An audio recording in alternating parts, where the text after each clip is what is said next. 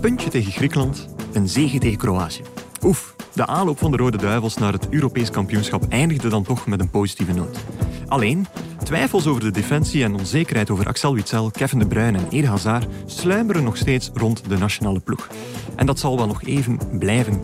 Aan ons om dat alles te duiden in een Rode Duivels special. Welkom bij Shotcast EK.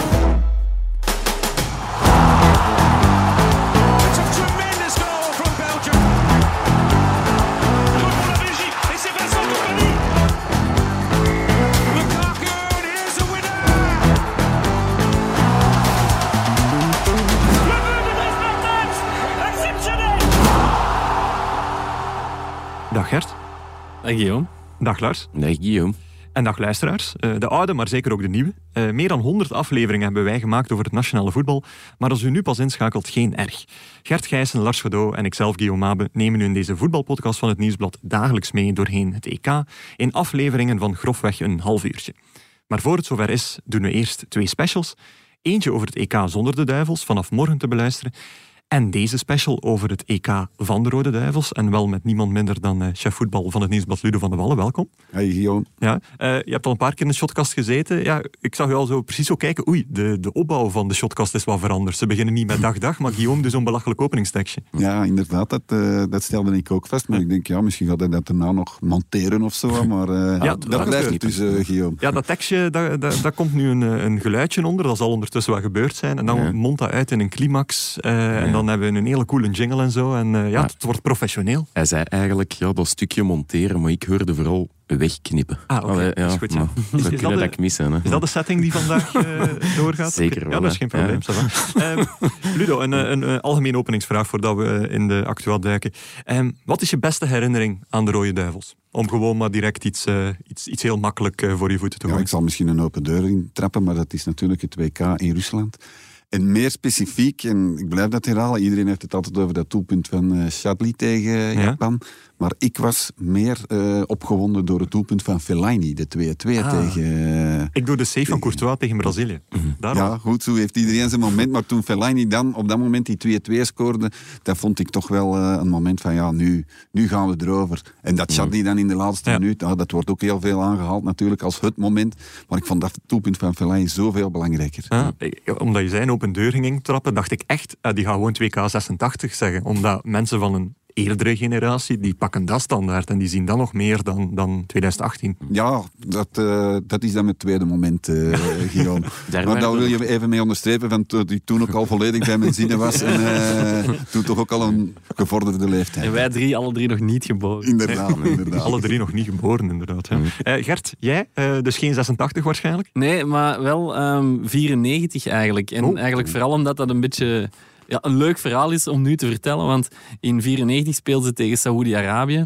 En ik weet niet waarom, maar wij, mijn ouders gingen, moesten weg. Er kwam een babysit bij ons thuis. En ik mocht, de afspraak was, ik mocht alleen maar de eerste helft kijken. Ik was toen zes jaar. Dus ik moest bij de rust gaan slapen. Wat, maar wat had ik gedaan, blijkbaar, vertelde mijn moeder. Ik had een blad gelegd op de salontafel. Ik had er België geschreven, Saoedi-Arabië, met geen dat ik net kon schrijven, want ik denk dat ik in het eerste zat. En dan trok ik streepjes van wanneer er goal was. En een gele kaart was dan een vakje met, dat was dan geel gekleurd. Zo. En ik was eigenlijk een beetje een, de techniek, de digest aan bijhouden, zoals we dat in de gazet, in de gazet ook doen. En bij de rust moest ik gaan slapen en ik had dan gevraagd aan de babysit, eh, een meisje, ja, vult dat aan voor morgen, dan kan ik, eh, kan ik zien hoeveel het is geworden. Die had dat niet gedaan. Oei, oei. En ik heb de volgende dag geëist dat hij nooit meer mocht terugkomen. En, en is er nooit dus- meer teruggekeerd? Jaren later zat ik dus effectief echt op het E- WK in Rusland dat echt te doen voor mijn werk. Dus dat is eigenlijk best wel... Ja, maar dat interesseert me niet. Wat is er gebeurd met die baby's? Ik weet niet of Hij dat hij... daarmee Ik denk wel dat hij nog is teruggekomen. Ik, ik, ik kan het niet zeggen. Helaas, helaas. Eh, Lars, eh, kan je daarover, mijn verhaal? Nee. Oké. Eh, heb je dan iets anders zinnigs te melden of ga je direct de deur Eh, uitstappen? Nee, ça va gewoon. eh, de WK 2018, de match tegen Brazilië, op de volle wei van Werchter. Oké. En goed gescout, de dag voordien. Ik was er vier dagen, de donderdag al goed gaan kijken wat is de Ja. beste plek. Van, ah ja, hier staan we wat hoger. Mhm. was maar plaats voor vijf man.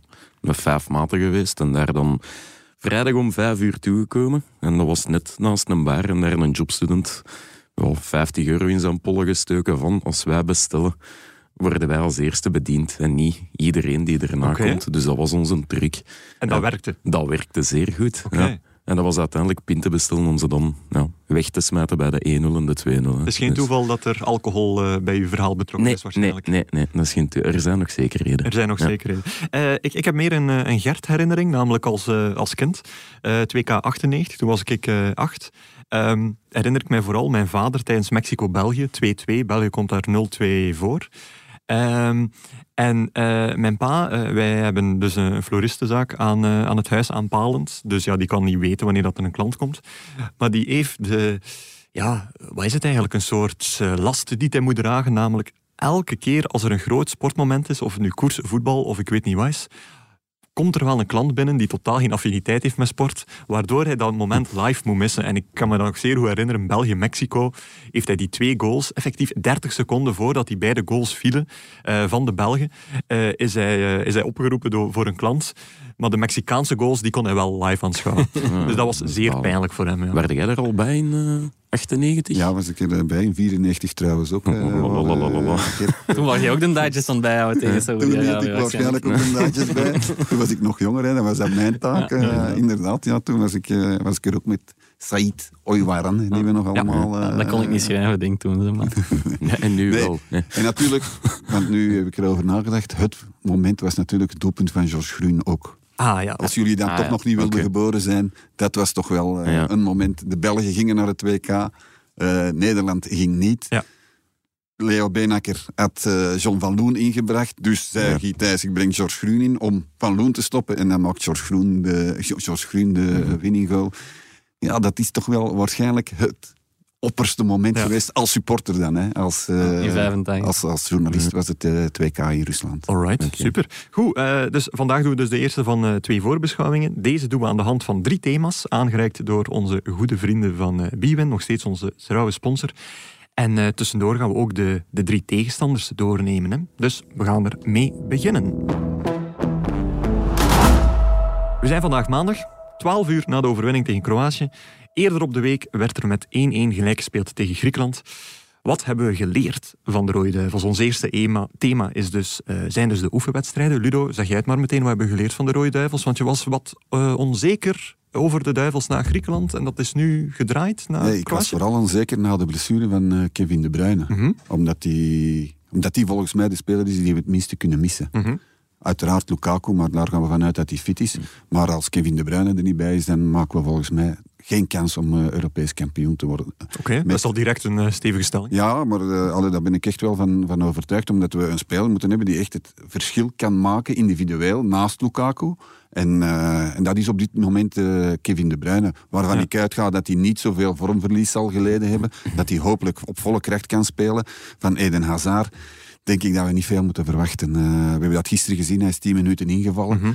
Ik denk dat het nog mentaal, alhoewel dat hij het tegendeel beweert, het mentaal toch nog, nog niet helemaal 100% is met, eh, met Eden Hazard. Als je ziet hoe Doku, die Ja. even lang heeft eh, mogen meedoen, zo gretig en, en, en zich willen laten zien. En dat verbaasde me wel een beetje van Eden Hazard dat hij dat niet deed. Het is een beetje zwaarmoedig, precies. Ja, en- dat, dat Er glinsteren was vorige week dat programma op, eh, op VTM met die Devil Time. En dat is wel, iedereen zat er wel Mhm. te lachen. Maar Eden Hazard heeft er toch zo'n paar dingen gezegd die, die, die we niet gewoon zijn van hem. Zo, toch wel was zwaarmoedig. Ja, ik moet nog een tijdje alleen trainen. Ga je in orde zijn? Ja, ik weet het nog niet. Allee, het was toch, het was toch niet de Eden Hazard die we, die we kennen. Daarom denk ik dat als we hem een paar keren zullen zien op het Europees kampioenschap, dat we blij gaan mogen zijn. Want het is vooral in zijn hoofd, denk ik, dat het niet goed zit. Ja, ik, ik heb zo de, de doelpunten die de Duivels de laatste twee jaar eh, gemaakt hebben, eh, gisteren nog eens bekeken eh, op een rijtje.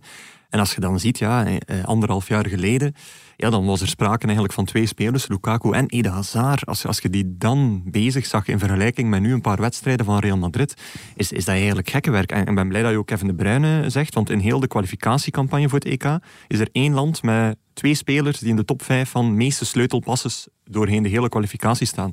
En dat is België met Kevin De Bruyne en Eden Hazard.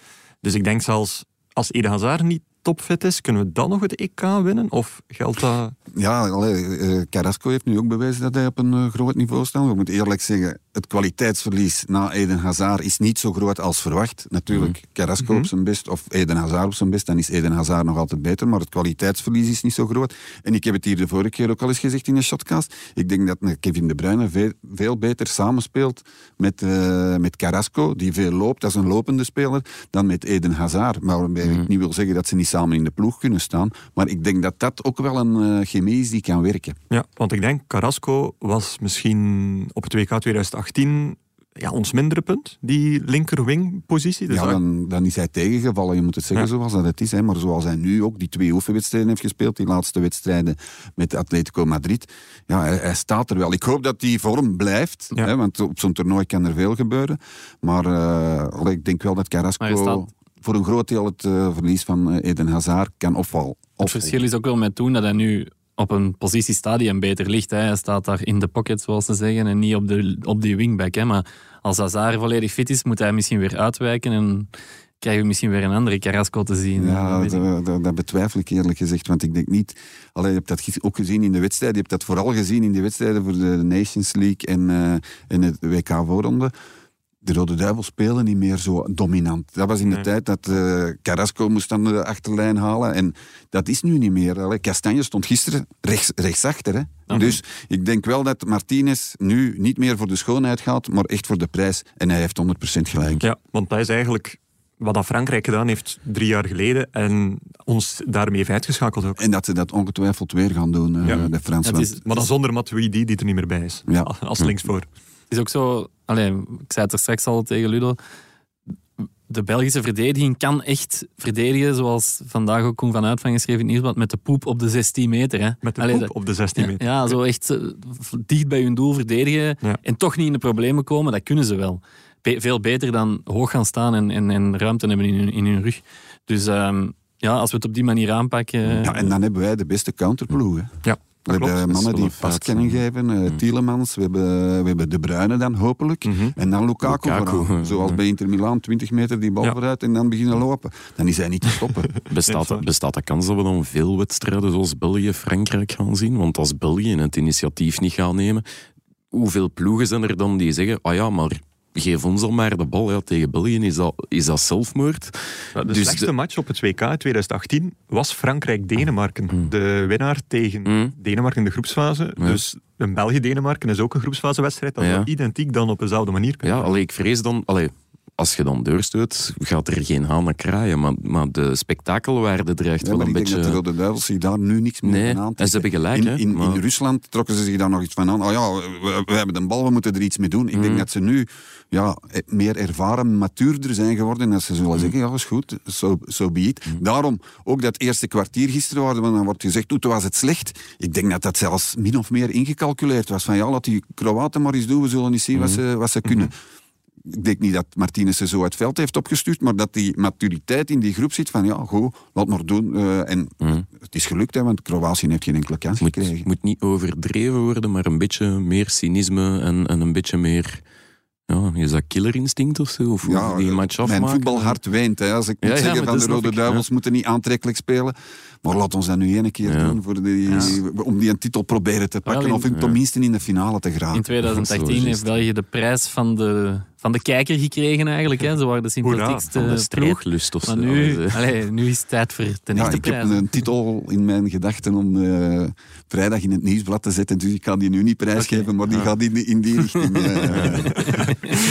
Mo- mooi het gras weggesneden voor, eh, voor Ludo's Kun je knippen, Eh, Gert, heb jij iets opvallends gezien in die twee wedstrijden? Ja, in die twee wedstrijden, eigenlijk vooral vorige, allee, gisteren dan eigenlijk. Mhm. Ja, ik zeg eh, Lukaku, hè, wat Ludo net ook zei, ja, dat is fenomenaal hoe goed Ja. dat hij geworden is, hoe, hoe hard dat hij er staat. Elke keer opnieuw, hoe hard dat je erop kunt vertrouwen. En dat is eigenlijk net hetzelfde met Thibaut Courtois. En om het met een cliché te zeggen, ja, met een goede keeper en een goede spits komt al heel ver. Ja. En laat dat nu wel iets zijn dat bij België het beste is ingevuld van alle landen, denk ik. Ik denk dat er geen enkel land is met een keeper op zo'n hoog niveau en een, en een spits op zo'n Ja. hoog niveau. Er zijn landen met een, met een topkeeper, maar die hebben dan niet, niet een topspits. Er zijn landen met een topspits, zoals Frankrijk, Benzema, maar die hebben dan niet een, de topkeeper zoals, eh, zoals België dat heeft.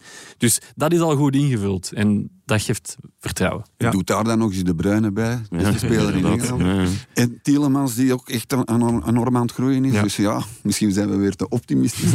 is het glas nu, eh, het glas nu weer eh, half vol. Maar ja, ja de Bruyne is vol- volgens Ja. mij de sleutelspeler. Nee, maar dat lelijk voetbal zal het wel compenseren, eh, die, die, die dat overdreven enthousiasme. Nee, eh Gert, je zegt Lukaku.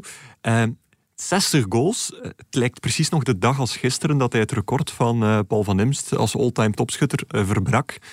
En die had er slechts toen, samen met Bernard Voorhoff, eh 30. Dus Ja.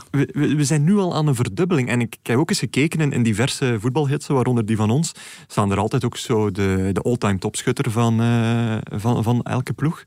En ja, daar zie je gewoon 30, 40, 50 goals. Zelfs bij Italië ehm, is, de, is de Riva, denk ik, eh, zit, op, eh, zit op een 35, 36 doelpunten. Een, een land als Italië dat al die eh, grote toernooizegens heeft behaald. Eh, en daar zwerft dan plotseling Lukaku, die nog in de fleur van zijn leven is, die, die aan 60 zit. Die is gewoon op weg naar het, eh, naar het record van, eh, van Ali Day daar, van, van Iran, die 108, 109 heeft. Ja, ik is toch het- waanzin? Ja, ik heb het eens opgezocht hoeveel, ehm, Ah, allee, hoe oud de topspitsen waren, de, en general, hoe oud dat die waren toen dat ze aan 60 interland goals zaten. Oké. En we zullen beginnen bij Lukaku, komt daar ja, als jongste uit met 28 jaar, dik 28 jaar. Messi had 30 jaar en drie maanden nodig, dus die staat tweede in die lijst. En dat is, allee, twee jaar is wel Twee jaar aan de dat is, dat is gigantisch. Hè? Eh, Lewandowski, 31 jaar, 1 maand. Ronaldo, 31 jaar en 4 maand. Hebben we nog Kleuze, bijna 33. Suarez, bijna 34. En tot slot, ja, Zlatan, eh, de 34 al gepasseerd. Maar dan spreken we dus al tegenover Lukaku over een verschil van 6 jaar. Natuurlijk ook ja, bij de mindere goden van Zweden, dat wel. Maar ja, als je dat zo ziet, Messi, Lewandowski, toch geen pannenkoeken. Nee. Allee, En iedereen En- van die en- gasten speelt wel ooit eens tegen een San Marino of Gibraltar Ja, om dat op te zeker. klikken. Hè? En, En- die van Luxemburg, zitten die er nu eigenlijk in, in die telling? Die drie eh, officiële?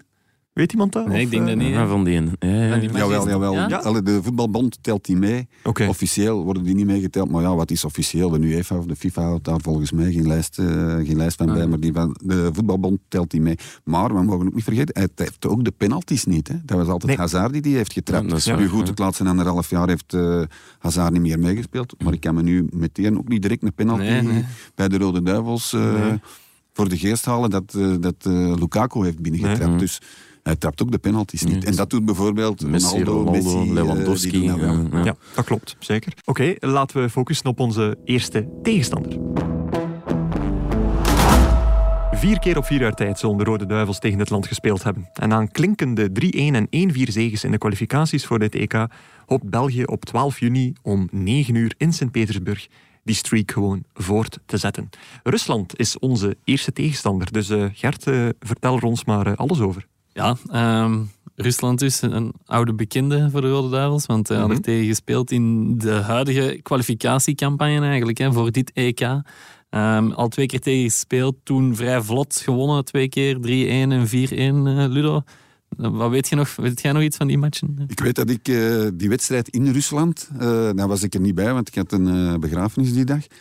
Maar ik heb die gezien en toen heb ik dat eens rustig thuis bekeken. Hè. Anders zitten wij altijd in het stadion en is dat toch wel een, een zekere stress tegen die deadline en zo.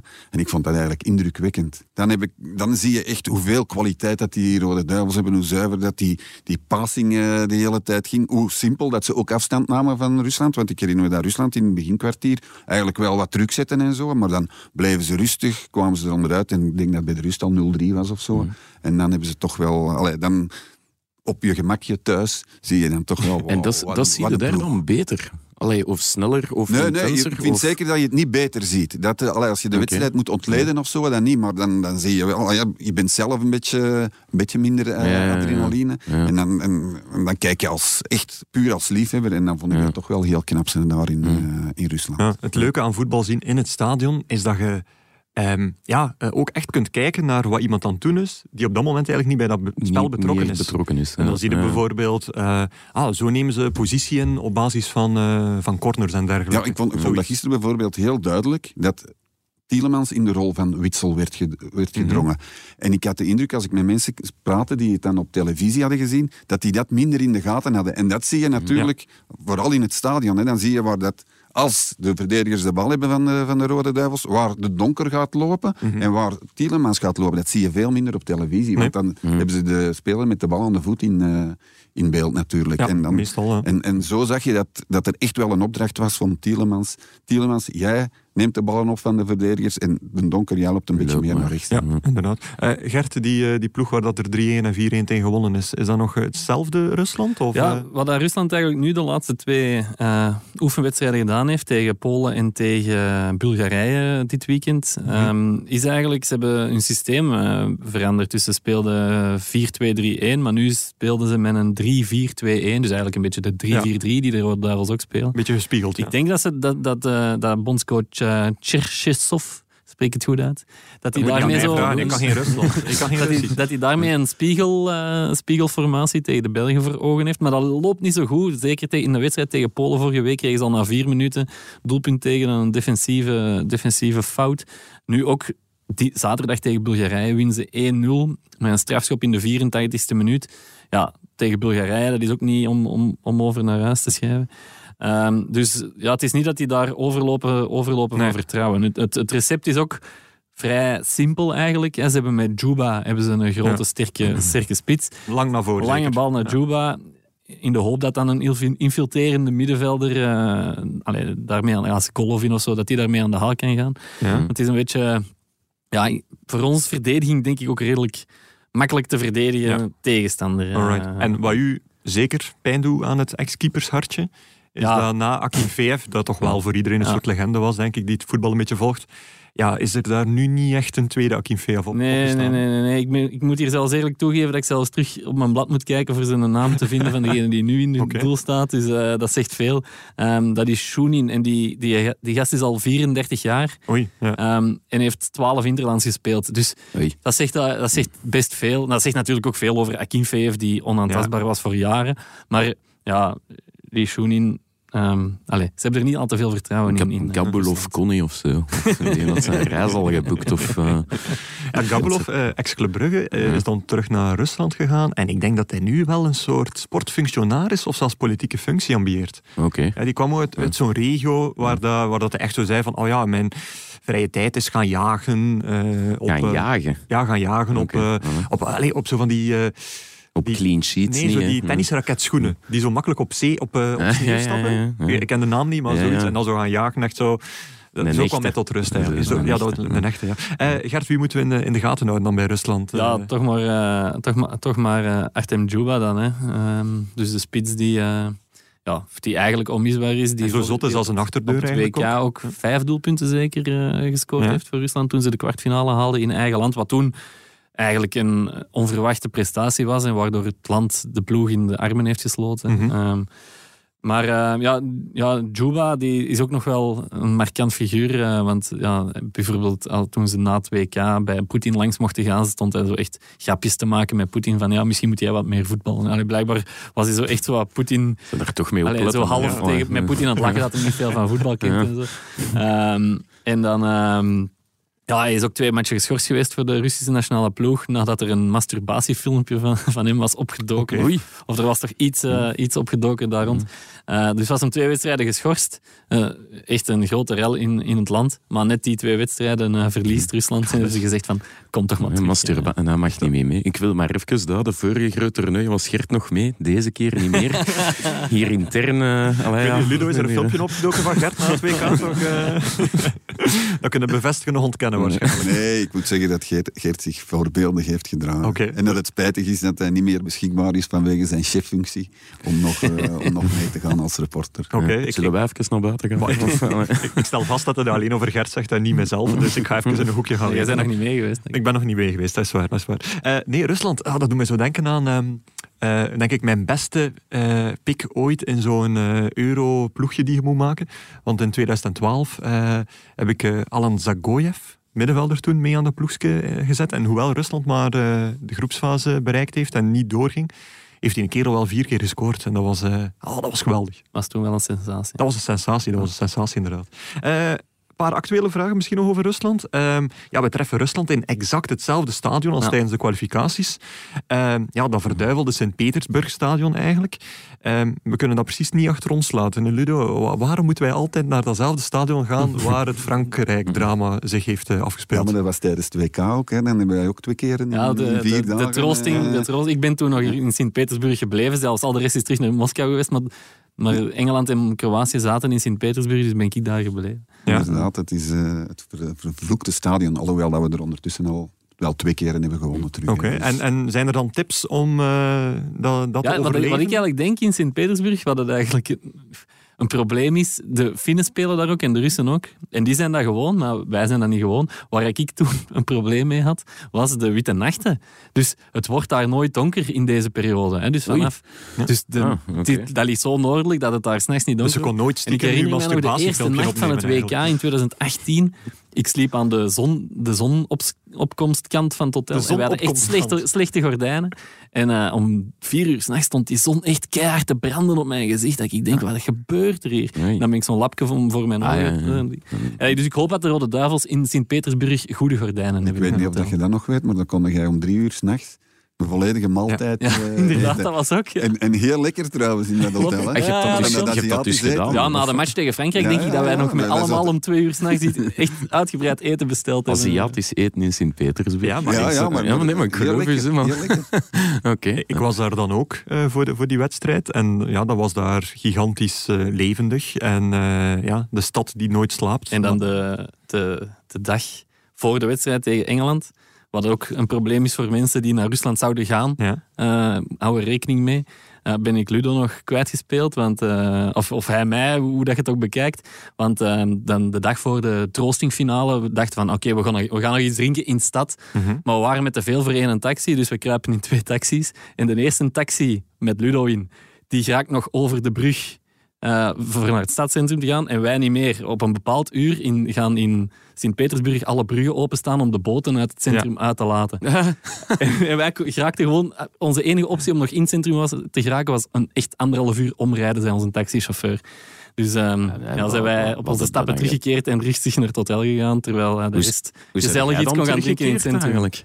Hoe zit jij dan teruggekeerd Ja, eigenlijk? eerlijk gezegd, ik herinner me daar niks Ah, maar van. dat is altijd goed, hè? Ja, dat is altijd goed, hè? Dat zijn de beste verhalen. Ja. Ja, maar terugkeren ging altijd nog. En, en ook op een bepaald uur gingen die dan wel terug open of zo. Maar dan moesten wij weer twee uur wachten en zo. Allee. Nee. Allee. Eh, Gert, nog iets anders leuks over eh, Rusland te weten? Ik vind het wel een goede verhaal. Tussendoor eh, mensen achterlaten op bruggen, masturbatiefilmpjes. Ze zijn goed Ehm, bezig. joh. Ja, Rusland is... We vieren eigenlijk 60 jaar EK voetbal. Ja? Ehm, het is nu 61 jaar omdat de EK is uitgesteld. Maar Rusland is dus de winnaar van het allereerste EK in 19, 1960. Allee, dat was toen nog onder de naam van de Sovjet-Unie natuurlijk. Mhm. Maar ehm, ja, dat toernooi kon het totaal niet vergelijken met het huidige EK. Toen waren er van tevoren al landen niet geïnteresseerd. Dus werd Duitsland, België, Nederland, Italië, Engeland, die waren zelfs niet ingeschreven. Ehm, de eerste match, Tsje- Sovjet-Unie-Tsjechoslowakije, Ja. Ehm, die, dat lokte meer dan 100.000 mensen. Dat is nooit niet meer geëvenaard. Maar de reden daarvoor was, dat was in het Luzhniki-stadion. Ja. De reden daarvoor was, de Russische ploegen speelden toen geen Europees voetbal. Dus dat was voor de eerste internationale match voor de, voor de, Sovjet, eh, voor de mensen in de Sovjet-Unie. En ehm, ja, in de, in de kwartfinale kregen de Russen de kwalificatie gratis, omdat dat was toen nog met thuis en uit, Ja. die, die, die fase. Dat was, het eindtoernooi begon pas vanaf de halve finale. En omdat de Spanjaarden mochten van Franco niet naar het verdomde Rusland, Ja. Het, Sov- de Sovjet-Republiek eh, reizen. Dus Rusland was gratis naar de halve finale. En Gratis, ja. nog opvallend aan dat toernooi, de eerste drie ploegen van dat toernooi zijn allemaal landen die nu niet meer bestaan. Dus Tsjechoslowakije Sovjet-Unie, Sovjet-Unie. Tsjechoslowakije en eh Joegoslavië. en Joegoslavië. Joegoslavië tweede, Tsjechoslowakije derde. Oké, eh, Ludo, dat toernooi herinnert je ook nog levendig waarschijnlijk? Eindelijk kan ik het zeggen, toen was ik ook nog niet geboren. ah, oké. We hebben toch iets We gevonden. hebben, we hebben het toernooi gevonden. Ja. Oké, ehm, dan stel ik voor dat we overgaan naar eh, het volgende. 26 namen telt de selectie van de Rode Duivels. Axel Witsel included.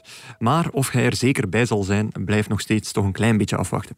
Nog een zorgenkind, Eden Hazard, na zijn maarseizoen bij Real Madrid. En hoe zit het met Kevin De Bruyne? In vorm, maar door neus- en oogkasbreuken hoogstwaarschijnlijk niet aan 100% aan de start van het EK.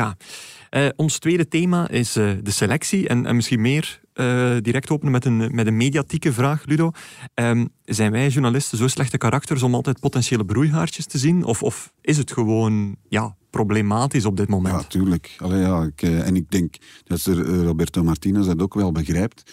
We hebben hier, wij gaan drie, misschien drie sleutelspelers missen. En, en Hazard en De Bruyne zijn samen met Lukaku nu eenmaal de populairste spelers bij de Rode Duivels. Ook de beste spelers, dat kunnen we gerust zeggen als we Courtois er nog bij nemen. Dus ja, daarover gaat het. En wij willen allemaal Europees kampioen worden. En wij hebben zeker eh, liefst twee van die drie spelers nodig om ons doel te bereiken. En vandaar dat dat een, eh, een enorme bezigheid is. Als ik s morgens om half vijf wakker Ja. word, eh, Guillaume, dan denk ik daaraan. Hè. Morgen Is om vijf. echt? Wauw. Vanmorgen was Wij het van nooit om half vijf wakker. ik ook werd geen goede vanmorgen om half vijf wakker, eh, mijn ogen gingen op. Ik dacht aan de krant, oh, hoe zou de krant eruit zien? En, ik dacht, en het volgende wat ik dacht, oh, het is te hopen dat eh, de Bruyne zich vandaag volledig fit meldt en dat hij meldt dat hij eh, zaterdag kan spelen. Het spijt me, maar het is zo. Nee, nee, maar dat, ik- Dat is, eh, dat, dat is mooi. ja. Dat siert net, zou ik zeggen. Maar is, is het ook niet zo dat heeft niet elk land zo zijn pro, allee, of probleempjes of al dan niet ehm, gemaakt of niet gemaakt? Alleen in Frankrijk zal een terugkeer van zelfs bij Frankrijk zal de terugkeer van Benzema wel zo'n beetje Welke brandstof zijn hebben? om Ja. terwijl dat daar eigenlijk als buitenstander heb je zoiets van ja, ça va nog wel. En misschien is dat ook ja, in Nederland over die formatie, eh, bij Duitsland, ja, Leu die gaat stoppen. Het is toch altijd overal geen iets. Ramos. Eh, nee, geen Ram. Allee, Ja. ja. Like nu de Belgische selectie. Ik denk op het moment van de bekendmaking, bekendmaking van de selectie. Ja, was Koen Kasteels misschien de, de enige verrassing, Gert? Ja, Of, dat was het eh, grootste. Op die- dat moment was Koen Kasteels er niet bij. Dat was het grootste thema. En dan zeg ik altijd: ja, als, het, als, de derde, derde als de derde keeper uw grootste probleem is, dan heb je geen problemen. Hè? Dan heb je geen probleem, inderdaad. Want ik- eh, vorige, het vorige toernooi was er dan Matrasgate, waarin dat iedereen de selectie te, te weten wou komen aan de hand van de matrassen van de Rode Duivels. Ja, dat draait toch ook maar om de geselecteerde 22 Ja, dat tot ging over 23. Cabacele en, en consorten. Dus dan, valt het nu wel goed mee, Ludo, denk ik. Nee, ik vind dat Of niet. niet, Ik vind omdat het nu over die De matrasgate, eh, het is zoals je zegt, een 22e en een 23e. Who cares? Ja. Behalve de spelers zelf. Maar nu gaat het over de Bruine, Hazard en Witsel. Dat zijn wel drie Ja. sleutelspelers. Allee, ja, ik zeg het, ik lig er niet wakker van, maar als ik wakker word, dan denk ik er wel. Ik lig er niet wakker van, maar ik raak er niet meer van in slaap. Dan raak ik er niet meer van in slaap. Ehm, wat bij de Duivels ook, zeker bij de selectie, denk ik in 2016, eh, wel als wat problematisch tussen aanhalingstekens werd, werd ervaren, was dat het toernooi voor hen heel lang duurde. Dan zaten ze daar in Frankrijk, eh, al, al eh, zeer lang op voorhand. Ehm, en dan, dan lag de groep niet zo. Ehm, hoe gaat dat dan nu zijn met, met, met die bubbel? Want nu, nu mogen de vrouwen zelfs niet meer langskomen. Als we naast die blessures nog voor iets schrik moeten hebben, is het eigenlijk daarvoor. Want zij zitten in Tubeke. En Tubeke is een heel mooi nationaal voetbalcentrum. Ja? Maar ik zou daar toch in vier, vijf weken willen, willen verblijven. Want daar is ook voor de rest niet veel te doen. Als heel mooie voetbalvelden. Een hotel dat, doen, eh, waar dat wij ook mee tevreden zouden zijn als we op, eh, op vakantie gaan. Maar er is niet echt veel meer te doen. Dat- hè. En ik hoop dat mannen als Hazard, toch familieman, Tielemans, familieman, dat die daar toch geen, eh, geen, geen last van krijgen. Want, ja. en het is al een lang seizoen geweest. Hè. Ik denk dan aan De Bruyne, aan Lukaku. Ja, ik hoop dat dat geen probleem wordt voor de, voor de Rode Duivels. En ik hoop, als ik dat mag zeggen, als reporter, eh, reporter van, eh, van de Rode Duivels, dat dat voor de Fransen bijvoorbeeld wel een probleem wordt. Want dat zijn toch allemaal... eh, de meesten hebben toch ego's. Als we het dan over Benzema hebben, die dan een beetje in de clinch ligt met Giroud.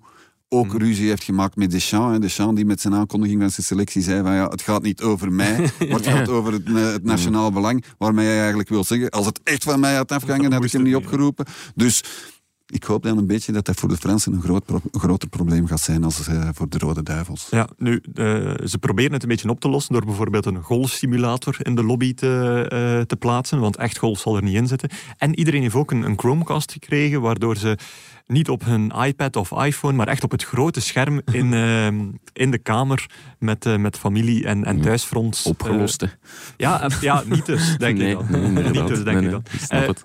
in het WK 2018 eh, had Roberto Martinez op een gegeven moment eens, eh, een barbecue gedaan, of, of met... eh, met de spelersvrouwen laten overkomen? Dat was alles volgens het programma vastgelegd. En zolang zij hier in België waren, kregen zij bijvoorbeeld na een wedstrijd, zoals het vandaag zou zijn, Mhm. kregen zij een dag vrij en dan mochten zij naar de familie gaan.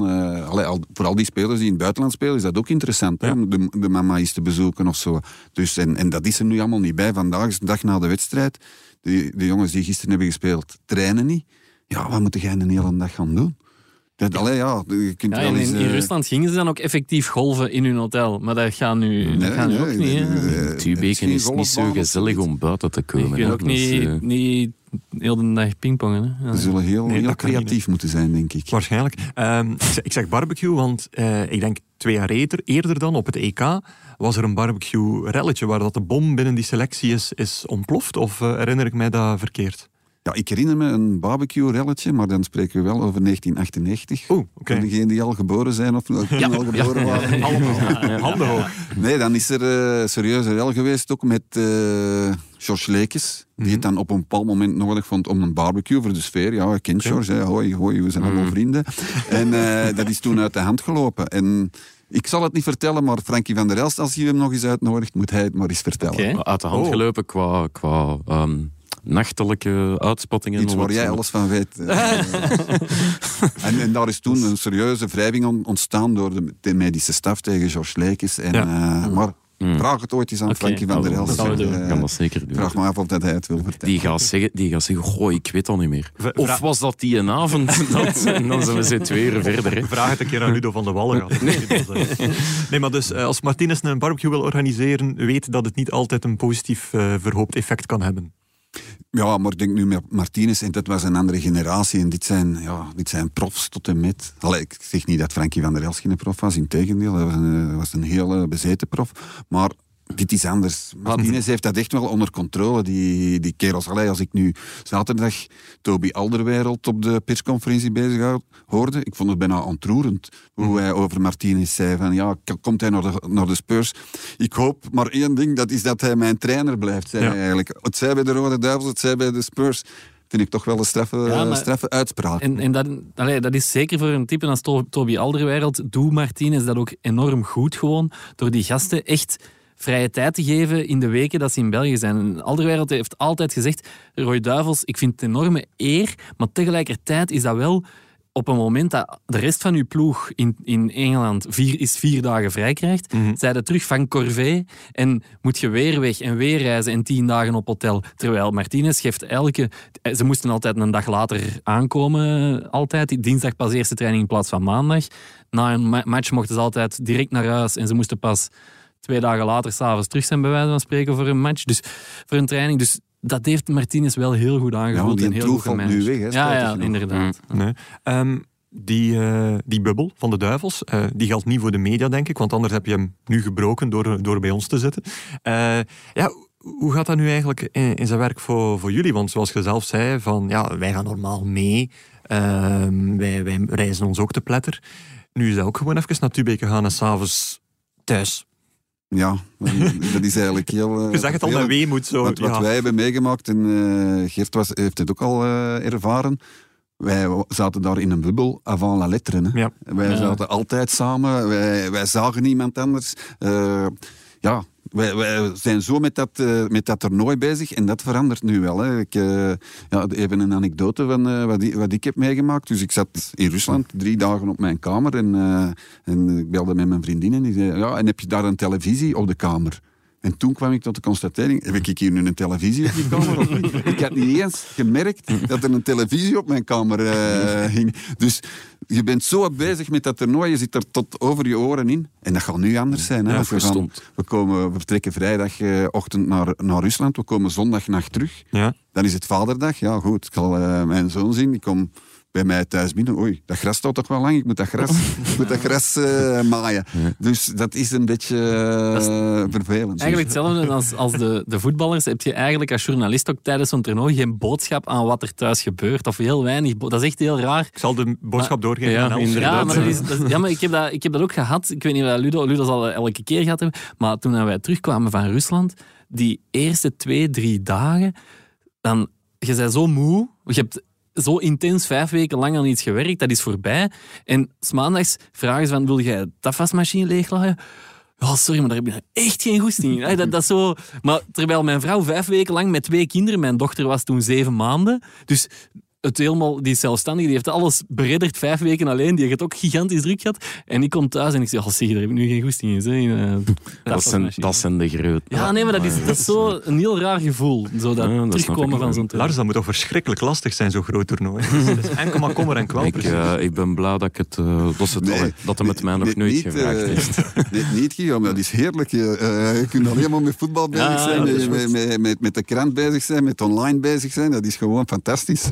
Op de redactie is dan ook leuk, En dan hoor. geldt natuurlijk, zoals bij de sportmannen, eh, achter elke goede journalist staat een sterke vrouw. hè. Oh, wauw. Els, je weet het. Hè. Als je weet het. Eh, laten we focussen op onze tweede tegenstander. Het land van Christian Eriksen, Pieter Schmeichel, John Dan, Dal Thomasson, maar bovenal Lord eh, Bentner. Op 17 juni om 18 uur in Kopenhagen is Denemarken de tweede tegenstander van onze Rode Duivels. En Lars, jij hebt u eh, verdiept in de Denen. Ja, ja, Ja, sowieso. dus zeg maar wat Ja, we een beetje een, eh, een, eh, een aparte aanloop gekend naar dit toernooi, jongens. Onze Deense vrienden. Ze hebben geen, in een kwalificatiegroep, opgedeeld met Zwitserland, Ierland, Georgië en Gibraltar, hebben ze geen enkele keer verloren. Oké. Dat op, ze hebben de groep, ze uit, hebben de groep ook niet gewonnen. Oh. Dat is Oh, ook wel apart. Maar weten jullie wie dat er allemaal niet verloren heeft in de EK-kwalificatie? Dus na het- België. naast België. België, Italië. Italië, Oekraïne. Oekraïne Spanje? Nog? en Spanje. Oh, dus allee, ik vind dat toch een vrij opvallend Ze rijtje. Om, zijn wel super goed voorbereid, want we hebben het direct juist. Nog nooit zo'n goede quiz gedaan. Goed, hè? Ehm, en nu opvallend, onder de, de bondscoach, zie ik het juist uitspreek, Ege Herrede. Ja, ik zeg maar eens, mijn Deens is niet top. Eh goed voor 24 opeenvolgende wedstrijden zonder nederlaag. Amai. En toch mocht hem zijn biezen pakken. Ja. Dat vind ik toch wel straf. En Is ze dat hebben dan... lang in het zadel, dacht ik. Hè? Eh, ja, dat klopt. Maar ze hebben dan een oude bekende aan boord gehaald. Of oude bekende is nu veel gezegd, maar Casper Hielmans. Het is eigenlijk nooit een oude bekende Nooit een, geworden. oude- nooit, nooit een bekende geweest, maar wel de man die dus altijd, ja, ze, altijd als Anderlecht een trainer zocht, of Gent of bij Club Brugge, was dat altijd, zeg, in Denemarken Ja. zit daar een goeie. ja? En dat was de man die in eh, 2012 Noord-Zeeland eh, ja, toch wel verrassend kampioen heeft gemaakt. klopt. Ehm, en die is nu die heeft overgenomen en die staat wel eens over een beetje de, de offensieve speelstijl. Ja. Hè? Dus die denkt van, kijk, hier staat een goede basis, we gaan daar wat op voortborduren. Ehm, tegen België hebben ze dan wel verloren in de Nations League met 4-2, als Mhm. ik me niet vergis. Maar voor de rest, allee, die resultaten volgen wel. Dus ze winnen tegen Israël, Oostenrijk, ze winnen op Wembley tegen Engeland. Afgelopen woensdag 1-1 tegen Duitsland. Wat toch, daar kunnen toch ook mee thuiskomen, denk ik dan, als Denemarken zijnde. En gisteren met 2-0 gewonnen van Bosnië.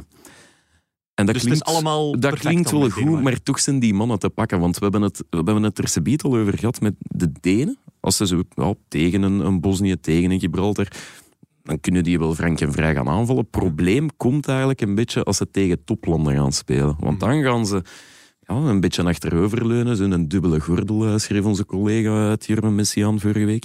En het probleem is, vanaf het moment dat je daar dan doorgeraakt, moeten ze beginnen komen. Ja. En dan wordt het tricky. Want allee, van achter, ze moeten het daar nog altijd doen met Simon Kier. Die is 32. Een snelheidsduivel is dan nooit geweest. Hij heeft dan wel nog een beetje het geluk dat, dat Christensen van Chelsea eh, Mhm. nu naast hem speelt. Maar ik vrees een beetje voor de zaak een keer dat de veer gebroken is of dat de band gebroken is, dat de Denen, ja, dat dat, dat, dat niet de, de zwaarste tegenstander gaat zijn. Ik denk dat we, meer, Duivels, ik denk dat we meer problemen met de Russen gaan hebben dan met de Denen. Ja, maar dan heb je mijn analyse van de Finnen nog niet gehoord.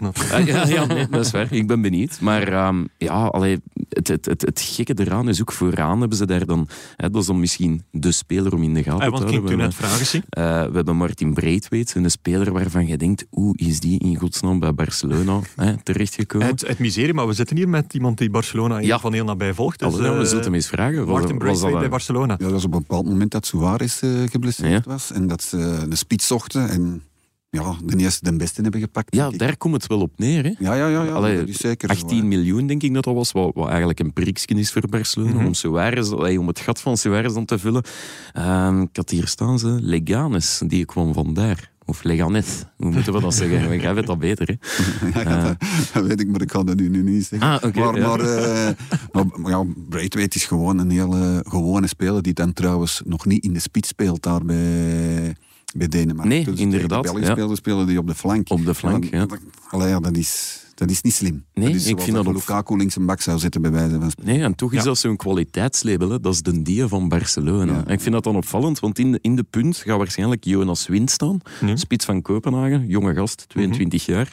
Ehm, Vatbaar voor woordmopjes.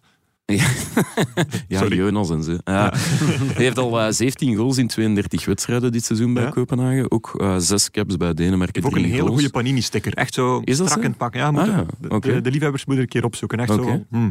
En opvallend dan is, ja, Paulsen zit er dan ook bij. En, en het zou best goed kunnen dat die alle, ja. alle drie gaan spelen. Wat betekent dat je met drie centrumspitsen ja, ten strijde trekt Ja. tegen, tegen de Rode Duivels. Dus ik, ik ben daarnaar benieuwd wat dat, dat eigenlijk gaat geven. Eigenlijk. Oké, Dus ehm, ja, voilà. goed. Dus, Eh, ja. dus perfect. Ja, Nog een oké. aanvulling over de Denen? Ja, eh? ik zou toch... eh, want voor jou wordt het niet de moeilijkste tegenstander in de groepsfase. Voor mij wel. Afhankelijk van... Ja, ja nee, maar doe Ik gerust. herinner me Ik, de wedstrijd niet eens een jaar geleden in, eh, in Kopenhagen. Mhm. En toen, in het begin, Casper Joelmand is ook dan, wordt dan ook de klop genoemd. Hè, vol, vol Ja, ja, ja, kaasvoetbal en wat weet ik allemaal. En toen hebben de Denen, ze hebben het niet lang volgehouden, een minuut of 20, 25 maar. Maar dan hebben die de Belgen heel hard op hun helft teruggedrukt. Mhm. Heel, heel hard gestoord. Hè, druk zetten noemen ze dat tegenwoordig. Maar Mhm. dat, dat, en dan hadden onze verdedigers het echt heel moeilijk. Hè. Mhm. Dan, allee, en toen was ik wel een beetje onder de indruk van de, van de Denen. Maar uiteindelijk, en daar kan ik ze zeker wel volgen, Lars, komt het altijd op kwaliteit aan. Mhm. En kwaliteit hebben ze niet eh, in overvloed. Allee, Braithwaite, die speelt bij ons niet mee. Nee, al Die wel. speelt ja. bij de Rode Ja. Duivels niet mee. Dat is daar eigenlijk ook de, de Eriksen hè, van Mhm. bij Inter nu toch ook matig Eh, seizoen ja, eigenlijk. Zeer matig, hè? Ja, die was dan een topschutter in die kwalificatieronde met vijf goals. Ondanks de drie centrumspitsen. Eh, en, en twee keer 6-0 gewonnen tegen Gibraltar. En ah, dan moet je bedenken, die, die shot daar waarschijnlijk de penalties of, de, of een keer een vrije trap of zo. Mhm. Ja, dat is toch matig eigenlijk. Dat is zeer matig. Eh, wat, alles behalve matig is, is het stadion waar, waar de match doorgaat. Parken heet dat stadion. Wat, wat ik denk ik ook in het Deens park betekent. Ehm, het is wel een wijstadion. Ik ben daar eens geweest toen Club Brugge daar met 4-0 de boot in ging eh, op Kopenhagen. Ik denk, Ludo, dat jij daar ook initieel had moeten bij zijn, maar dan Ja. ging dat ook dan niet. Hm? Dus ik zat daar dan, eh, zat daar dan alleen. En eh, ja, Club Brugge volledig eh, over, de, over de voet gelopen toen. Ehm, en eh, ik herinner mij ook een bepaald analist die een... eh, goh, eigenlijk, eigenlijk zou ik dat niet mogen vertellen, maar eh, een bepaald analist... We zijn hier nu toch onder We zijn vrienden. onder vrienden, hè. Dit Die- gaat nergens heen. Die, ehm, ja, ehm, die rookt. Eh, maar heeft hij niet graag dat dat, dat, dat geweten is. Ehm, we stonden te wachten om binnen te komen, maar die analist die, die werd herkend door, door fans. Dus die was zo in alle bezig van, oh shit, shit, shit, ze mogen dat niet zien, ze mogen dat niet zien. En zijn sigaret uit wegmoffelen. En hij vertelde dat hij dus dat al jaren eigenlijk doet om, eh, eh, om dat toch niet te laten weten. Dus eh, Ah, ja. dat is hetgeen wat ik mij meteen herinner Oké. aan Park. Maar Ja. een top stadion wel. Ja. Het is wel een topverhaal zo zonder de naam van die analist. Nou, ik doe een beetje een Ludo van de Walken van eh, ja, een topverhaal over een barbecue, maar je moet het eigenlijk aan een ander vragen. Nee, maar dan hopen we dat Frankie nog eens terugkomt. Ah, wel, dan kan hij dat Eh, misschien Is- ook wel is het. Frankie? Ja. Ah, misschien, misschien, misschien wel, misschien niet. Misschien wel, misschien niet. Ja. Eh, nog iets leuks om te weten over de Denen, Lars? Goh, iets leuk, iets voor de jonge luisteraars misschien. Hè. Never forget eh, Is dat ons 1992. jong of hè. nog jonger? Ja, wij waren al geboren, dus wij hebben dat kei bewust Ah, meegemaakt. ja, zeker op twee mijn jaar. tweede. Of nee, één jaar zelfs. Nee, het EK 92, hè, geteld wel, wat, wat, wat jonge mensen misschien niet altijd weten. Ja. De Denen zijn al Europees kampioen Het geweest. fameuze WK waar dat ze eigenlijk van het strand geplukt Ja, werden. En dat blijkt, werden. Dat blijkt dus niet te kloppen. Ik heb Ah, dat nee. gisteren een keer... Nee, dus ze mochten niet meedoen, eh, want Joegoslavië eh, mocht aantreden, omdat die Mhm. de kwalificatiegroep hadden gewonnen. Maar omdat de UEFA dan internationale sancties had opgelegd tegen Mhm. Joegoslavië, met heel die oorlogssituatie, hebben ze tien dagen voor het, de start van TK gezegd, zeg, Denen, kom maar af. En de mythe gaat dat die rechtstreeks van op het strand naar een spelershotel of naar een Ja. trainingskamp ja, eh, geïmporteerd of gebracht zijn. Geïmporteerd. Ehm, maar dat blijkt dus niet te kloppen, want heel die Ja. selectie zat al samen omdat ze nog een, een vriendschappelijke wedstrijd eh, moesten spelen. Dat was strandvoetbal dan. Oh, Ja. grote Ja, Gijs. met Ebbe Sand. Ja, en, eh, dus- Don't let the facts ruin a good story. Ja. Nee, en eh allee, ja, het vervolg is, is, is, is allee, bekend bij de iets oudere luisteraars. Eh deurgestoten in een groep met Engeland, Zweden en Frankrijk, wat toch eigenlijk niet slecht is. Nee. Eh, een halve finale Nederland eruit geknikkerd.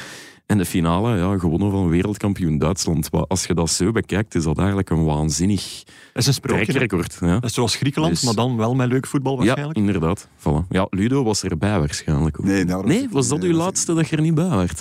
Allee, je eerste, allee, je eerste eerste dat ik er voor... inderdaad eh, Ah ja, bij was. is Ja. juist. Helaas, Ja. helaas. Helaas, helaas. Ja. Ook nog een, een momentje van applaus voor woordmopje Ebbe Sand op het strand. Want het was wel heel snel en gevat gevonden Ja, eigenlijk. dankjewel. Is er rap voorbij. Ja. Goed, dan gaan wij over naar het volgende. Kwartfinale in 2014, kwartfinale in 2016, halve finale in 2018, dus dan maar een finale in 2021 zeker. Eh, voor minder neemt de publieke voetbalopinie eh, geen vrede. Alleen zijn de Rode Duivels nu eigenlijk echt een topfavoriet voor het EK. Onze derde thema, of ons derde thema, eh, zijn de winstkansen van de Rode Duivels. Lars, jij misschien als eerste, want jij hebt de buitenlandse media doorgenomen, ja. om te zien wat zij zeggen van de Allemaal. Eh, Echt allemaal, allemaal. ja, ja, allemaal. Tot Myanmar eh, Ja. en al. Ja, ja, zeker. Ja, Ehm, En wat nee, is daar de algemene heb, eh, perceptie? ehm, ja, Belgium, good, good. Belgium good, ja, voilà. Nee, ik heb een aantal eh, EK-gidsen doorgenomen, eh, waaronder voor Fortuna. Ik heb een paar korte dingen mee. In voor Fortuna zeggen ze, of voorspellen ze een halve finale tegen Frankrijk en dan kan alles. Eh, Dus ja, ja, ja. dat, is, dat lijkt me vrij logisch. Elf voetbalmagazine, dat is Dat een Nederlands eh, magazine. Eh, ja, die schrijven het, het onomwonden. De laatste kans op een hoofdprijs voor deze gouden generatie. Eh, ook niet onwaar. Ook niet onwaar. Eh, ja, hoe spreek ik dat uit? Gert gaat dat ook staan. Het is in het Frans. L'instinct foot. Dus eh, dat is Italiaans. hè. Eh, nee, dat is Spreek ook Frans. Frans normaal. Hè? Ja, maar dat, met dat woord heb ik altijd last. ja. Dus die schrijven ons bij de drie topfavorieten. Maar hè, eh, ze benadrukken ja, nog steeds geen hoofdprijs gewonnen. En een druk van topfavorieten zijn, omdat dat zo relatief nieuw is, kan verlammend werken. Ehm, ze zeggen ook, ja, Hazard is niet meer top en de verdediging is ook niet meer wat ze geweest. Dus, dus eigenlijk in het buitenland er- is er niemand die zegt eh, België en al de rest kan beschikken. Het is altijd zo... Hè, Het kan Ja, ze gaan er wel bij zijn, maar zo, hè, zo, niemand die echt durft zeggen. Hè, het gaat dan veel eer over Frankrijk. Engeland hebben we, Ja. allee, hebben we ook vaak zien opduiken. Maar niemand die echt zegt: zet uw geld maar op België. Ehm, want allee, dat is de veiligste optie. Dat gebeurt dus niet. Nee, eh, vanaf vandaag loopt er ook een EK-enquête eh, bij ons op Nieuwsblad, waarin dat onder meer een vraag is van wat zou voor u een goed resultaat zijn of een haalbaar resultaat. Eh, Ludo, wat is voor u een, eh, het realistische resultaat en wat is het minst te, of minstens te behalen resultaat? Ja, ik ga me nog eens herhalen. Als de Bruine meedoet, dan vind ik dat we wel op de finale mogen mikken. Als de Bruine niet meedoet, dan denk ik dat we kwartfinale of zo, dan Ja. dat het dan wel haalbaar moet zijn, ja. Dus eh, dat is echt wel een, een stevig verschil dan. Ja, maar... Het is ook een stevig verschil. eh, allee, ja. De Bruyne vind ik zo'n sleutelspeler Ja. die het elftal doet draaien. En, en ook op bepaalde momenten met een afstandsschot, met een vrije trap, weet ik veel, echt het verschil kan maken. Een assist. En dan, Mm. dat denk ik dat eh, dat heel belangrijk is. Want Lukaku is natuurlijk ook zeker even belangrijk dan De Bruyne. Maar zes wedstrijden tot aan die finale, elke keer die ploeg dragen, dat kan zelfs Mm. eh, onze knuffelbeer niet. Nee. Ehm, dat eh, concept van ja, de laatste kans voor de gouden generatie, zoals het Nederlandse magazine eh, Mhm. zegt, ehm, was dat eigenlijk niet al 2018? Ja, daar is nu een discussie over. Hè? Maar toen zeiden we dat eigenlijk ook al. Van ja, dit is de laatste kans. Mhm. En nu zeggen we dat nog eens. Ja, dat, dat, dat het hoort erbij. Hè? Wat moeten we anders zeggen? En Maar, volgend jaar nog een keer Ah ja, waarschijnlijk. want op het is 2K. nog maar een jaar tot het volgende Ja, toernooi. stel nu dat de Naaier, hè, want die was zal waarschijnlijk wel spelen, dat hij een goed toernooi speelt. We hebben Mhm. dan Van Heuzen, die hopelijk niet meer geblesseerd geraakt, ook op dat niveau zal geraken. Ja, dan is eh, Hazard ook nog maar 32. Dan is- Mhm. Ja. Nee, wat zeg ik? 32? eh, 31. 31, 31, ja, want hij is maar een jaar ouder. Dan is de Bruine 30. Nou, dan spreken wij nog eens waarschijnlijk van, eh, van de laatste kans. Hè. Met, Mm. met Courtois en, eh, en, en Lukaku, die dan nog altijd twintigers zijn. Kun- kunnen dan nog- even van, mee. eh, en Tielemans die erbij komt, Mhm. spreken wij terug van de laatste kans. Laten we ons zeggen, de voorlaatste kans. Dus luisteraars en lezers die de laatste kans ergens neergepind zien worden in het nieuwsblad, niet geloven. Dus. Nee, ik zal het zeker niet schrijven. Oké. Eh, Gert, ben jij dan eh, een believer zoals eh, bij ons op de marketingafdeling zo graag ik ben absoluut wel een believer. Ja. Ik geloof dat de bruine fit zal zijn. Ik geloof dat zelfs Hazard flitsen zal laten zien waar we van gaan genieten. Heb je daar argumenten voor? Of? Ja, voor die twee niet echt, dat is gewoon eh, geloof. Maar voor, eh, voor het geloof in een Europese titel heb ik wel wat argum- allee, argumenten. Eh, België is, is, is gewoonweg de, allee, ja, de, meest, de meest ervaren ploeg. Ja. Ehm, ze hebben Ik heb het eens eh, bekeken. Ze hebben, de Belgische selectie heeft gemiddeld 50 caps per speler. Dat is veruit het meeste van, eh, van, heel, de, van heel, het- heel het toernooi. Want Portugal is pas tweede met gemiddeld 40 caps per speler. Oké. Er- België heeft op deze moment vier spelers in de selectie, denk ik, met eh, meer dan 100 caps. Hm. Tijdens het toernooi gaan er daar nog twee bij komen. Met ehm, Mertens, denk ik. nadenken, Courtois Mertens, en Mertens. Mertens, Ja. Ehm, en de, de eerstvolgende ploeg heeft maar drie, eh, of twee of drie spelers met, eh, Mhm. met, met meer dan 100 Op caps. Dus op dat vlak zit het, zit het goed. En waar ik me dan ook nog aan optrek als believer, is dat eh, met de oudste selectie, de enige, niet, de laatste niet-klassieke Europese kampioen, hè, Griekenland, dat was ook met de oudste selectie. Dus laten we dat er ook nog bij pakken als... Laat eh, dat alsjeblieft niet het voordeel zijn, want het was een verschrikkelijk EK. Ja, nee, nee, nee, dat was echt slecht, hè. Dat was echt slecht. Ik ben gewoon dacht allemaal, dat allemaal in een allemaal zijn. aan het zoeken, hè, meer niet. Ehm, ja, en dan eh, ten tweede, er was die, eh, de wetenschap. Volgens De een- wetenschap, Ja, volgens een studie van de amai. KU Leuven, die toch de afloop van de play-offs juist had, eh, ook juist had voorspeld. Heeft België het meeste kans op de Europese Ja. titel? Dus een Belgisch onderzoek door een Belgische universiteit. ja, maar daar kom ik al nieuwe... uit bij België. Jawel, ik ga het hier direct counten, Wauw. want ik wist dat jij dat ging zeggen, Guillaume. Investeringsbank Goldman Sachs, toch niet Belgisch? Niet Belgisch. Die zeggen ook dat België Europees kampioen wordt, want zij hebben een statistisch model gebouwd op basis van een dataset van 6000 eerder gespeelde wedstrijden. En dat hield rekening met de ranking van de ploeg, een eventueel thuisvoordeel, Ja. ook nog een toernooieffect. En daar kwam België ook als eerste uit. Maar wat ik er dan niet bij ga vertellen, is dat zij in 2018 Brazilië als winnaar hadden voorspeld. Ai.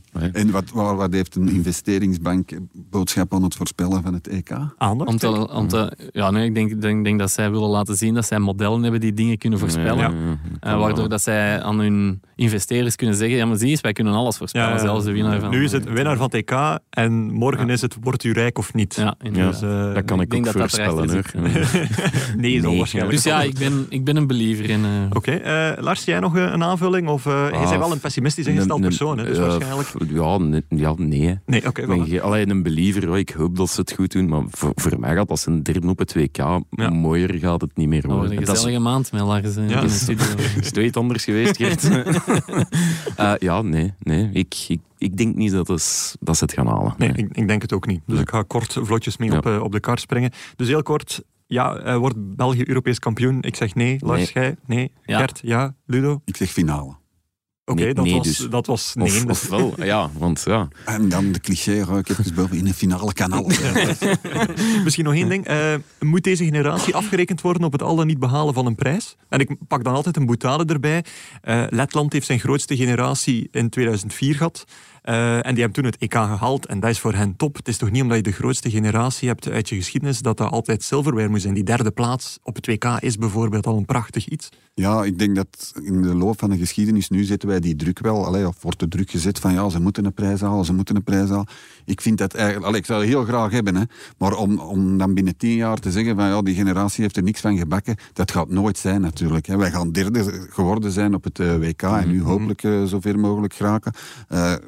Dat, dat, gaat de, eh, dat gaat de conclusie zijn. Hè. Dus ik denk niet dat, eh, dat die er zullen op afgerekend worden. En ik zou het ook compleet onterecht vinden. Want spelers als Kevin De Bruyne, Eden Hazard, eh, Courtois, Lukaku... die hebben toch ongelooflijk veel Mhm. bereikt... als je dat vergelijkt met, met vorige generaties. Nee, oké, Ja, dus- cool. Dan stel ik voor dat we ons eens gaan toeleggen op onze derde en laatste tegenstander. Oehoes, Jari Litmanen, Sami Hippia en debutant op een EK. Stop de tijd, zou Erik van Looy zeggen. Meer kan u op dit moment onmogelijk weten over Finland. Het land dat België op 21 juni om 9 uur treft in Sint-Petersburg om haar groepsfase eh, finaal af te ronden. En eh, ik kan mezelf direct corrigeren, want het is niet Erik van Looy die stop de tijd zegt. Hè. Het zijn zijn kandidaten. Nou, eh, inderdaad. ja. Ja, dat is zo, eh, ja En inderdaad. het is ook gewoon stop. Ja, het is ook gewoon... Ah, Ja. ja, sommige- er zijn variaties op, hè. Ja, het is gebeurd. maar wat Dat moeten we weten over ja. Finland, Guillaume? Ja, ehm, wel, ehm, eerst en vooral, eh, gewoon een, eh, een random vaststelling. Eh, Finland neigt nogal veel naar Engeland. Ik heb het in een gewone aflevering al eens gezegd dat er een eh, verdediger meedoet met de naam Daniel O'Shaughnessy. Maar er is ook een middenvelder die Glenn Kamara heet en een aanvaller die Robert Taylor heet. dus eigenlijk drie eh, ja, Engelstalige namen in, in de selectie van Finland.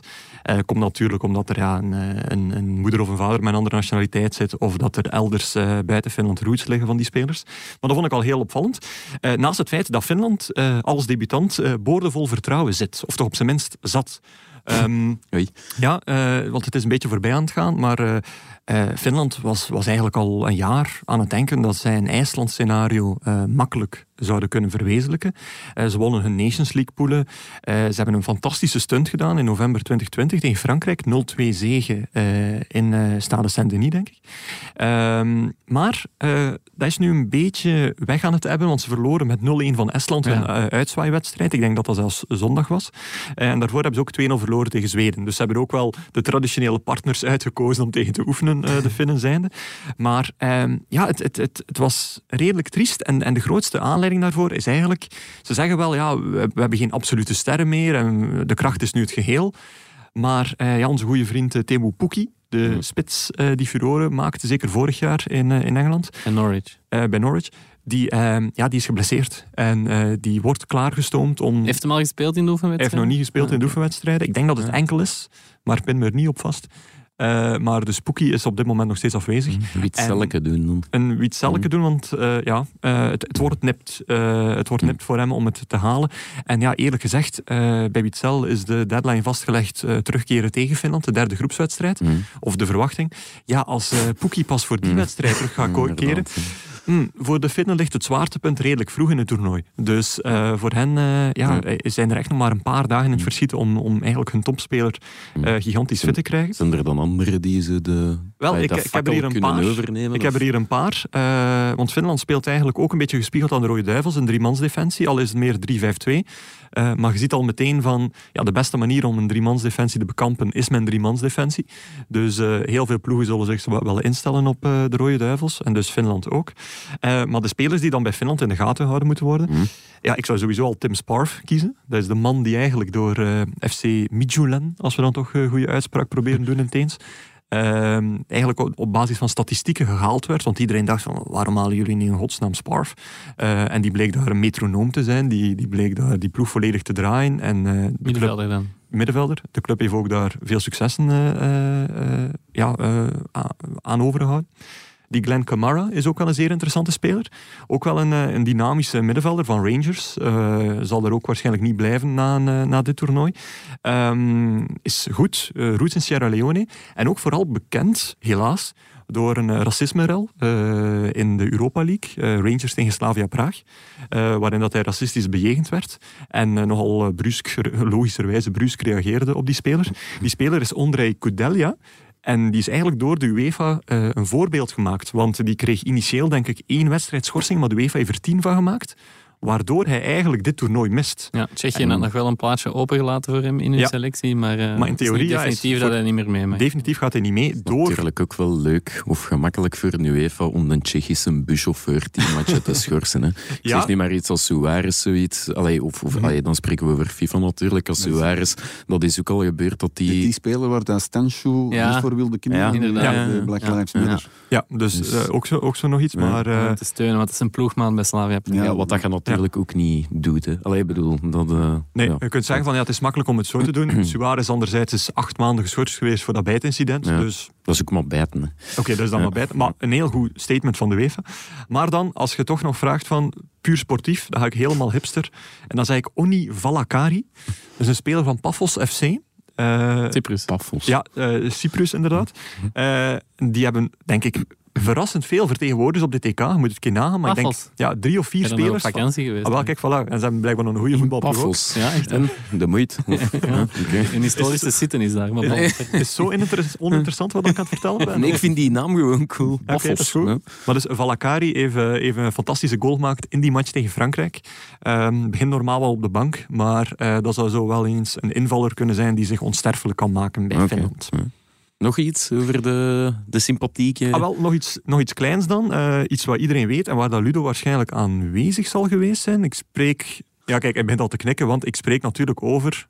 2-0 2-0 verlies met de uil op, het, eh, op de deklat. Ja, en zeg niet zomaar uil tegen een oehoe. Eh, want het was, het was, het was een oehoe. Maar dus in 2007 eh, heeft België daar een, ja, een waanzinnig treurige nederlaag eh, geleden. Niet enkel de nederlaag was treurig, maar dan ook die match heeft zes minuten stilgelegen omdat er een uil of een oehoe op de lat zat. Eh, maar voor de Finnen is dat eigenlijk een, een, een eikmoment in hun voetbalgeschiedenis. Ehm, de bijnaam van Finland is sindsdien ook Huuhkajat. Eh, wat uilen betekent, of toch oehoes. Ja, nu, nu zet ik mezelf in, eh, in, in de wind. Ehm, maar ehm, ja, voor hen was dat een iconisch moment. En zo iconisch zelfs dat ze er dus 14 jaar geleden een, eh, een, bijnaam aan overgehouden hebben. Ehm, zeer interessant, dat beest heeft ook een, een naam gekregen, Boebi, de uil. Die leefde in de Oké. toren van het Olympisch Stadion in Helsinki. En die heeft dus die, die interland verstoord. En opvallend is dat hij zich nadien eigenlijk mm, zelden nog heeft laten zien. Dus dat was bijna uniek voor die wedstrijd. Alleen in 2007 werd dat beest uitgeroepen tot eh, inwoner van het jaar in Helsinki.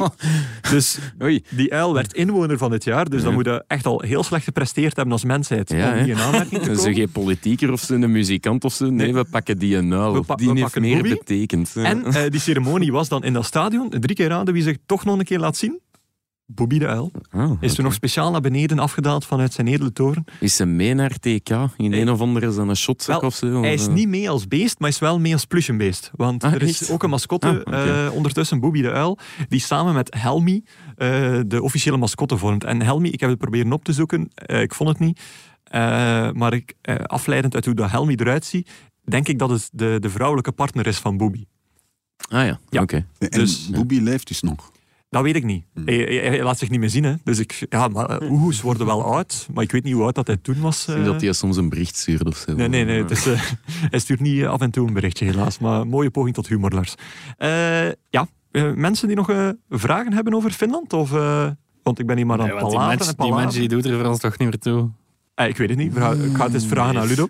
Ja, ik, denk, ik denk het wel. Ik denk wel dat we een puntje gaan Is het? verliezen in eh, Denemarken of in Rusland. Allee, ik denk De- Denemarken, maar ja, ik denk toch wel dat we die Maar match best nog winnen, zo voor de groepswinst of zo. Ah, hè, ja. dat we dan eh, toch nog een gemakkelijk programma hebben en naar Sevilla kunnen.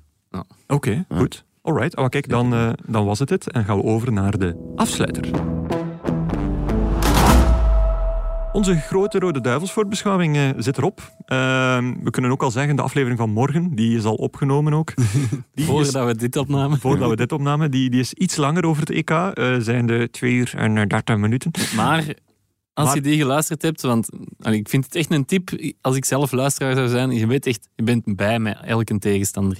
Op elke ploeg op het EK weet je wel iets van. Zeg jij dat ook over uw commentaarstukken, Lune? Als ik een tip mag geven, lees mijn. Oh, goed. Ehm, nee, misschien nog één slotvraag. Eh, algemeen, heren, wordt het leuk, Lars? Ja, dan zeker, want als ik nee zeg, allee, word ik hier weer weer cynische zak versleten. Dat is waar. Dus eh, eh, soms wel, ja. Soms wel Ja, wordt het, voilà. ja. Eh, Ja. Ludo, wordt het leuk? Ja, onze analist bij het Nieuwsblad, Gert Verrijen, zegt dat het niet leuk wordt omdat het seizoen te lang heeft geduurd en al de spelers moe zijn. En jij zegt dat ze lelijk voetbal gaan eigenlijk- spelen? Maar het zou wel eens het tegenovergestelde kunnen zijn dat ze zo moe zijn dat die verdedigers niet meer lopen en dat de aanvallers eh, de overhand krijgen. Dus laten we dat hopen. En om nog maar eens even iets te zeggen, het kan de twee kanten uit. Ja, ja dat, dat, dat kan vriezen, kan dooien. Hè. Zeker in Sint-Petersburg. Gert, eh, ga jij je amuseren? Ja, Denk ik kijk er enorm naar uit naar het EK, ja, om die, dat nog eens helemaal te beleven. Ja, En om niet afwasmachine te moeten uitlaten. nu moet ik ook elke dag naar. Ja, hè? Oh, moeten, moeten. dat is waar. Ja. Ach, ach. Eh, Ludo, mag ik je onwijs hard danken voor... eh, Eh, geen quiz eh, vandaag? nee, geen quiz, nee. Heb ik al die bondscoaches die van die, van die, van die ploegen van van alle winnaars sinds 1960, de topschutters. eh, Ik wist van het niet meer met u. Nee, Nu krijgen we dit. we hebben wel een emoji-quiz op, op Twitter. Hè. Ik weet niet of je die al gezien hebt. Nee, die heb ik nog niet gezien. Ah, die maar emoji-quiz, ja, het zijn dat- die- 50 opgaves en, en is... Dat kunnen dat kunnen we dan wel doen. Dan maar goed, kunnen we wel, eh, weet je wat? Kijk, ik heb hier toch internet. Laten we heel snel dan een quizje doen. Hij zegt, ik heb heel veel bondscoaches van buiten geleerd. Ik heb ze niet Eh, van buiten geleerd, maar ik heb hier zo over nagedacht en ik kende er toch wel redelijk veel waarvan ik van overtuigd ben dat Lars of Gert die niet zullen kennen. oeh, Ja, maar dat oké. is ook niet... Allee, Ja, over wat tuurlijk gaat het weet ik dat niet. Hè. Ehm, Bijvoorbeeld, wie, welke, wie was bondscoach van West-Duitsland toen ze in 1972 eh, Europees kampioen werden in België? Ja, in België. Ludo, allee, ik was min 19 jaar. Ja, dus, Vertel het ons. ja zeg het eens. Helmoet Schön. Oh, ik ging Kool zeggen, maar ja, dan, dat klopt helemaal niet natuurlijk. Maar ja, tuurlijk is dat een Wel, maar ik heb je dan een makkelijk lijstje. Ehm, ja, we gaan gewoon eens alle bondscoaches die België ooit gehad heeft af. Goed? Ja, maar ja, En dan gewoon elk beurt eentje zeggen. En de eerste die valt, die, eh, die, eh, ja, die, die, die valt af. Oh, de laatste die valt. Lars is totaal niet, niet gemotiveerd. En Ah, de, ah, de laatste die overblijft, die de- is de Mag ik- grootste winnaar Mag aller ik tijden. beginnen? Jij mocht beginnen. Ah, Raymond Goethals. Ja. Want allee, dat ben ik wel aan mijn stand verplicht. Ja. Die lijkt mij te kloppen. Gert. Die klopt ook. Frank Verkuiteren. Eh, ja, uiteraard. Guy Thijs. Die Thijs klopt ook, ja. Ah, Paul van Imst. Eh, uiteraard. Robert Rassay. Ja. Jos Leekes. Ja. Ja, Roberto Martinez. Mark, Mark Wilmot. Ja. Dick Advocaat. Ja. Eh, Wilfried van Moer. Ja. Mhm. Nou wordt het al wel... Ja, inderdaad. Goh. Ja, je ziet interim echt. Ah, ja, ja, ja. Ik, ik heb nog één. Mhm. Eh, Allee, Er ik zitten heb- wel ik nog heb wat bekende, bij- bekende Ja, bij. ja, ja. Alsjeblieft. Er zitten wel nog wat niks. bekende bij. Ik ben aan het nadenken. Hè. Wat zei je? Is al Dat is al gezegd. Ah. Ga eruit. Ga eruit. Ja, Ja, ja. Ga eruit. Constant van den Stok. Constant van de Stok, inderdaad. Ja, Walter Meus. Walter Meus, ja, Ja. dat klopt. Die wou ik zeggen, maar ik dacht, Ja, ja, ja, het nee, toch nee, niet geweest. Ludo? Discussieer nog, nog even verder, want ik moet nog nadenken. Hé, maar dat staat hier wel zijn, hè. Dat gaat dan wel verslaafd. Dat een is waar. underdog. Ja. Het is een gok. Bill Gormley. Eh, Ja, daar ga ik even... helemaal, helemaal Bill in het begin. Eh, ik, ik reken het juist, want het is volledig Bill Gormley inderdaad. Tussen 2 april 47 en 28 mei 53. Oké. Ja, Nu zit neergeslagen, nu zit- gedaan. Nu zit Niet vieze, de, nu zit in vieze papieren. zeg. niet de enige Engelsman, of zelfs de enige Brit in het, eh in Nee, het in het rijtje. waren dat eh, vaak Britten. Hè. Oh, dat is lang geweest, hè, pa. Eh, dan moeten we toch al naar voor de jaren 80. hè. Ja, ja, dan denk Want ik alles- zelfs voor alles- 74 alles, zit al eh, ondertussen. Want 74 was goed als... Voor Goethals was in-. Ja, Goethals was in 70 ook. Ja, WK in. Mexico. Dus, Dus, eh, wow, ons een gescheten. Hè. Ja. Ehm, Zeg iets. was nog, van der Stok was nog selectieheer. Hè? Ja. Dat was, hij heette Oh. nog niet bondscoach. hè. ja, ik ging... Oei, oei, oei. 5, 4, 3. Tio. Eh, nee. Nee. Nee. Nee. Ludo, heb jij nog iemand in de, in de mouw zitten? had er dus maar één over, hè, vriend. Allee, het is... Ik zal ze snel Ja, dat, is, overlopen. dat is wel moeilijk, hè, want Ja, ja. met tien dingen zitten ze direct... Ja, ja, Allee. al ver. Maar Ja. er zijn er- zeker meer dan de helft is wel gezegd geweest. Hè, want we hebben Martinez, Wilmots, Lekes, advocaat, Verkouteren, Van der Rijken. Is Van der Rijken? Van der Oh, amai. Onze analist. En met Ik, hè. Anteunis. Ja. Anteunisch. Amai. Wat zei ze? Lekes, Van Moer, eh, Van Imst. Ja, die, die heb ik gezegd. Guy Thijs, eh, Meus, eh, Goethals, Arthur Keuleers. Eh. Henri Dekens. Dan de Oostenrijker Viktor Havlicek. eh Constant van den Stok. De Gong- Hongaar Geza Toldi. Louis Nicolet, André van de Weijer. Nicolet. Doug Livingston, een Schot, Bill Gormley. François de Mol, Jack Butler, uiteraard een Engelsman. Jules Turnauer, een Hongaar. Hector Goetink, eh, ex-speler van Club Brugge. Victor Leuwenveld, Oostenrijker. William Maxwell, Schot. Charles Bunyan, Brit. Eh, en de allereerste was eh, opnieuw William Maxwell, de Schot. Zeg, ik wil even niks zeggen, maar volgens mij, ik ga het toch zeggen, hè, eh, zitten nu de luisteraars ook te zeggen over Lude. Oh, jong van de Rijken en Anteunisch geworden. Zoals ik wekelijks in mijn auto Ja. zit te vloeken. Maar, oh, dat ze dat, is, dat niet zijn dat is omdat we geen grote Ja, hebben gespeeld met die mannen. is het toch wel een beetje... eh, Ja, zo die camera en die spotlights en zo. Is precies blokken zo. Het is, ja. Dat is het Maar en Van der Rijken, dat, Ja, dat dat, is wel wel- loemp, hè. Allee, van, van ons allemaal. Ja. Goed, maar dan, eh, René. Ja. Dan ga ik met dit intermezzo, uh, allez, intermezzo, dit afsluitertje echt afsluiten. Uh, morgen lanceren we onze andere voorbeschouwing, eentje over alle andere landen actief op dit EK. Vanaf 11 juni zijn we er dan elke dag. We nemen op 11 juni, dus 12 juni zal de eerste aflevering er zijn. S'nachts na de matchday of gewoon s ochtends bij het ontbijt kunt u er dan naar luisteren. En die zullen ook een pakje korter zijn dan deze XXL-voorbeschouwing vandaag en de XXL-voorbeschouwing morgen. Wij kijken dus uit naar zaterdag 12 juni, 9 uur in het Krestovski-stadion in Sint-Petersburg voor België-Rusland. Wie voor dit EK trouwens een megascore mist en zich toch graag waagt aan een gratis EK-prono met vrienden en allen Zagoyev in zijn ploeg wil zetten, kan altijd terecht bij bchamp.bwin.be. En voor de rest, geniet van het EK en tot vrijdag. Dit was Shotcast EK, uw dagelijkse afspraak met de voetbalpodcast van het Nieuwsblad. De presentatie was in handen van Guillaume Mabe, Gert Gijssen en Lars Godot.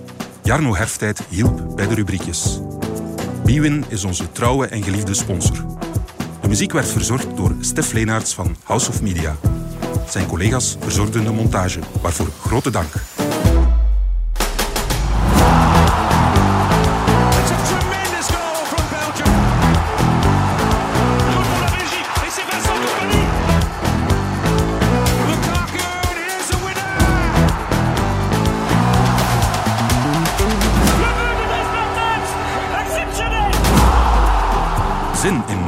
Van het Nieuwsblad? Kies dan voor onze wielerpodcast De Koers is van ons, onze politieke Actua-podcast Het Punt van Van Impe of onze crimi-podcast De Stemmen van Assise. Ook Slimmer Leven en ons magazine Billy kan u niet alleen lezen, maar ook beluisteren. En anders, tot morgen.